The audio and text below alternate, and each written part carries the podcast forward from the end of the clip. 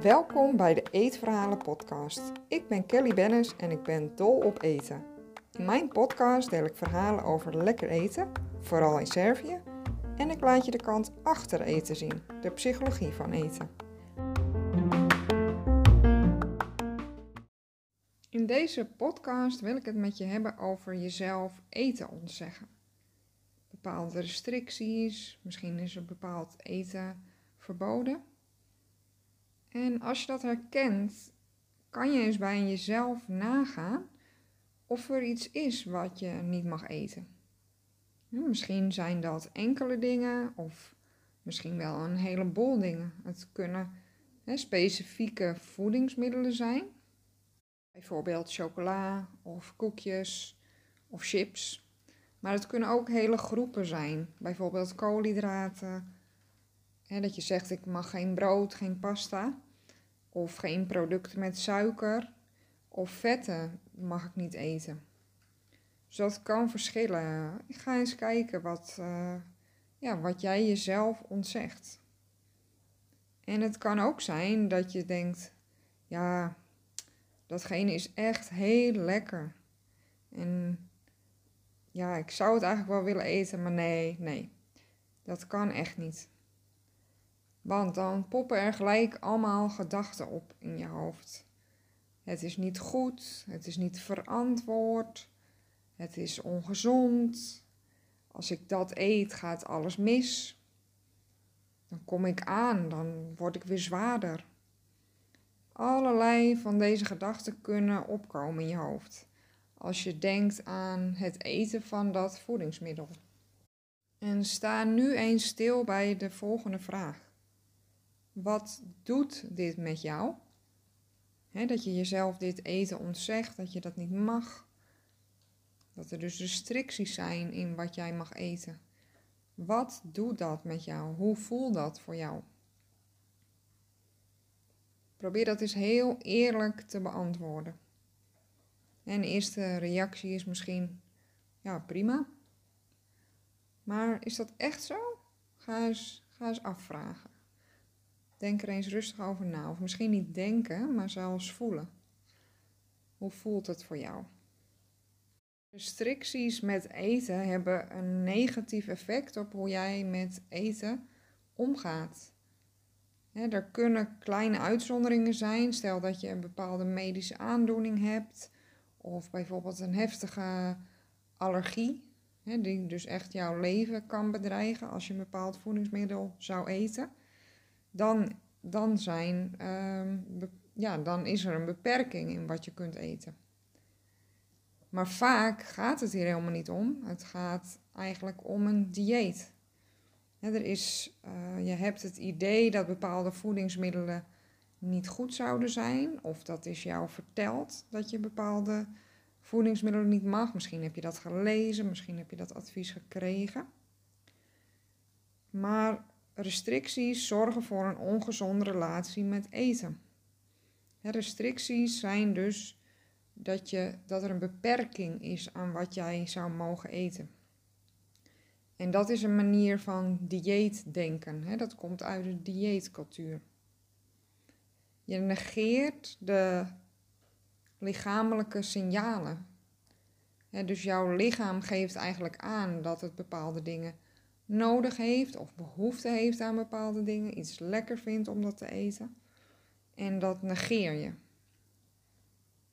Bij zo'n dieet of in het denken in restricties wordt er vaak nog gedacht van, nou, gaat wel goed in het begin. Hè?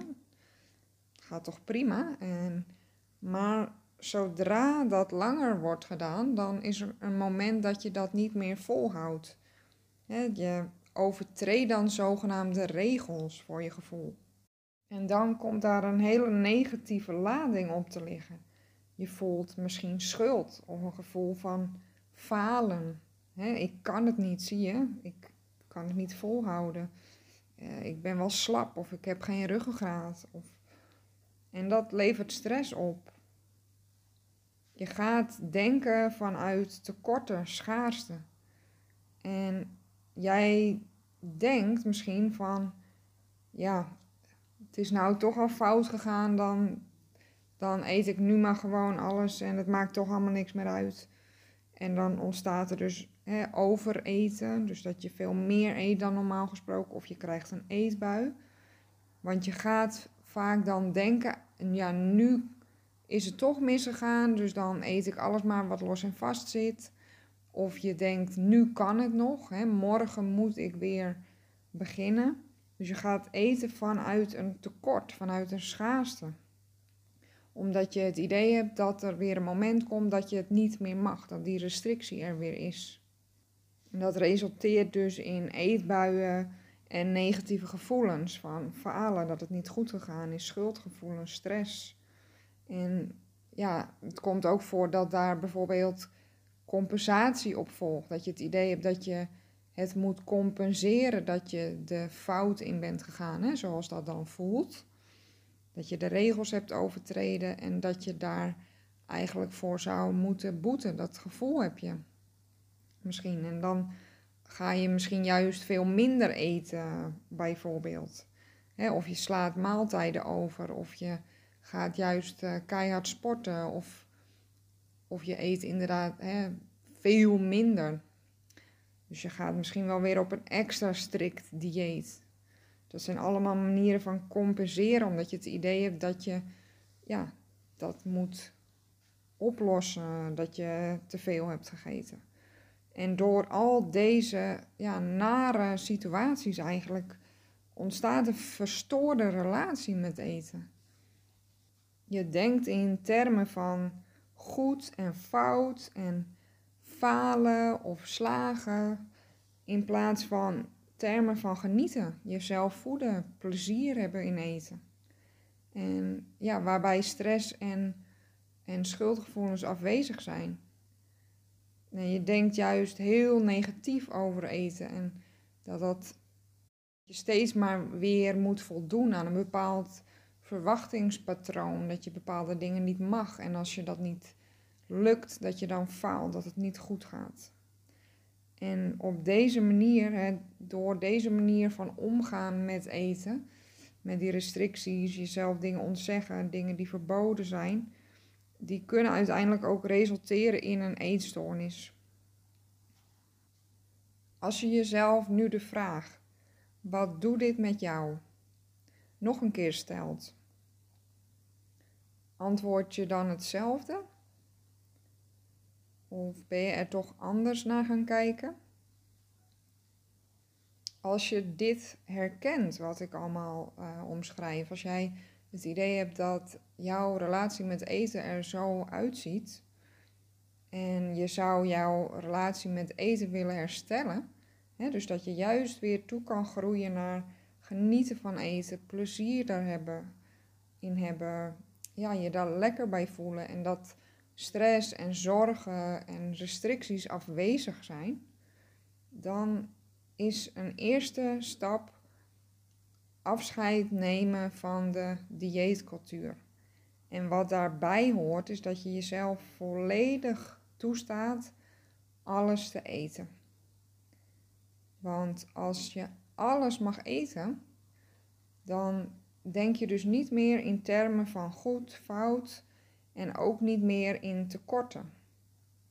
altijd is alles beschikbaar voor jou. Je mag altijd alles eten. En dat besef maakt dat uiteindelijk dat overeten, de eetbuien als reactie op die restricties, dat dat niet meer zal gebeuren. Want de restricties zijn er niet meer. Je mag alles eten. En het gevolg van restricties is juist dat je gaat overeten en dat er eetbuien komen. En als die restricties wegvallen, kan het zeker zo zijn dat het in het begin wel zo is, omdat je dan eigenlijk gaat inhalen wat je al die tijd niet mocht eten. Dus dat is ook normaal, dat je dan juist al die producten gaat eten die je ja, eerst niet mocht eten. Maar als jij alles van jezelf mag eten, en echt alles, en onvoorwaardelijk zonder condities daaraan te hangen, dan vaagt dat op een gegeven moment echt weg.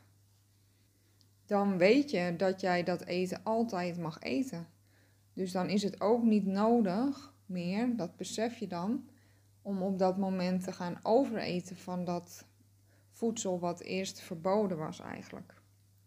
Want je weet dat er ja, op elk volgend moment mag jij het weer eten. Dus het is dan ook niet nodig meer om te gaan eten vanuit een tekort, vanuit de schaarste. Want die schaarste is er niet meer. Dat is niet meer aan de orde. Je mag het altijd weer eten. Dus die ja, intense hunkering en de reactie erop dat je dan gaat overeten daarvan, dat, dat, ja, dat, gaat, dat vaagt weg op een gegeven moment. Als jij echt doorhebt, hé, hey, ja, ik mag dit altijd eten. Dan is het niet meer, dan is het niet meer nodig om het ja, nog te gaan bunkeren. Omdat je denkt dat dat ooit wegvalt, dat, hè, dat het de laatste keer is dat je het mag eten. Je beseft dan dat dat niet zo is, dat dat niet klopt.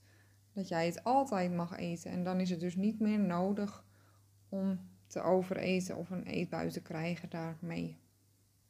En ik noem het net als eerste stap, hè, de dieetcultuur loslaten en jezelf alles toestaan. Maar dit is natuurlijk niet één stap. Het is best wel een groot proces waarin meerdere stapjes zitten. En ja, dat kan best moeilijk zijn om aan te beginnen. Heel spannend. En dat is ook echt prima. Want het is natuurlijk iets heel anders dan je gewend bent. En als je ergens niet bekend mee bent en niet gewend aan bent, dan, ja, dan is dat ook een heel ding eigenlijk om aan te beginnen. En wat daarin kan helpen, is om ja, de drempel voor jezelf zo laag mogelijk te maken. En het te bedenken hoe je zoiets makkelijker voor jezelf kan maken. Wat daarbij kan helpen is dan weer te bedenken, hè, is er een voedingsmiddel wat jij heel graag weer zou willen proberen? En misschien kan je bedenken, misschien wil je wel heel graag weer chips proberen of chocolade of een ander bepaald voedingsmiddel wat jij ja, jezelf tijdenlang hebt ontzegd, maar waar je eigenlijk heel erg naar uitkijkt. Ook al komen ja, allerlei negatieve gedachten weer naar boven. Van dat je dat niet zou mogen eten, dat het niet goed zou zijn. Zoals eerder gezegd, kunnen dit natuurlijk een heleboel voedingsmiddelen zijn. Maar ga eens kijken welk voedingsmiddel jij het meeste zin in zou hebben. En wat ook uh, het makkelijkste is wat je uit zou willen proberen. En ja, het hoeft niet meteen goed te gaan. Of hè, het überhaupt erover denken dat je dit zou willen gaan doen, kan al helpen om die stap uiteindelijk te gaan zetten. Het mag ook spannend zijn, het mag eng zijn. En het, het hoeft dus niet goed te gaan, maar je, dat je er überhaupt aan denkt of dat je het gaat proberen, dat is al een hele mooie stap. Vind je dit nou echt spannend en wil je hier begeleiding bij, dan uh, is dat ook altijd, ja, je mag daar altijd hulp bij zoeken en dat is ook heel goed als je dat doet. Zoek dan ook hulp van iemand die gespecialiseerd is in bijvoorbeeld eetproblemen of als je worstelt met eten. Iemand die zich niet richt op dieet, maar die puur uh, zich richt op ja, weer je relatie met eten herstellen. En die bijvoorbeeld gespecialiseerd is in eetstoornissen. Het hoeft helemaal niet zo te zijn. Hè. Laat je niet afschrikken door dat woord. Want misschien heb je wel helemaal geen eetstoornis. Maar wat daar fijn aan is, is dat zo iemand die daar gespecialiseerd in is, wel jou begrijpt. Hè. Want veel eetproblemen kunnen ook, hè, of worsteling met eten, kunnen uiteindelijk uitmonden in een eetstoornis. Nou hoeft daar dus bij jou helemaal geen sprake van te zijn. Maar het is wel fijn als iemand jou begrijpt en je de goede adviezen geeft die jou ondersteunen. Ja, dus waar geen dieet bij betrokken is. Ik bied hier ook begeleiding bij aan, coaching. In wanneer jij ja, eigenlijk alle stadia van worstelen met eten kan ik jou begeleiden. Ik ben erin gespecialiseerd. En ik vind het altijd heel belangrijk om te kijken van wat goed, voelt goed voor jou. Waar voel jij je prettig bij en wat kan jij aan? En dan gaan we samen kijken hoe we dat verder ja, uit kunnen bouwen op een, op een prettige manier. Wil je daar meer over weten of wil je eventjes jouw verhaal delen of een vraag stellen? Ben je altijd welkom om contact met me op te nemen. Dat kan via food.kellybennis.nl of je kunt me gaan volgen op Instagram kellybennisfood en me even een privébericht sturen. Heel leuk om van je te horen en ik help je heel graag. En uh, ja, super bedankt weer voor het luisteren. Succes met deze vragen en kleine opdrachtjes. Ja, laat het me weten als ik je daarbij kan ondersteunen. Heel veel succes en tot de volgende aflevering.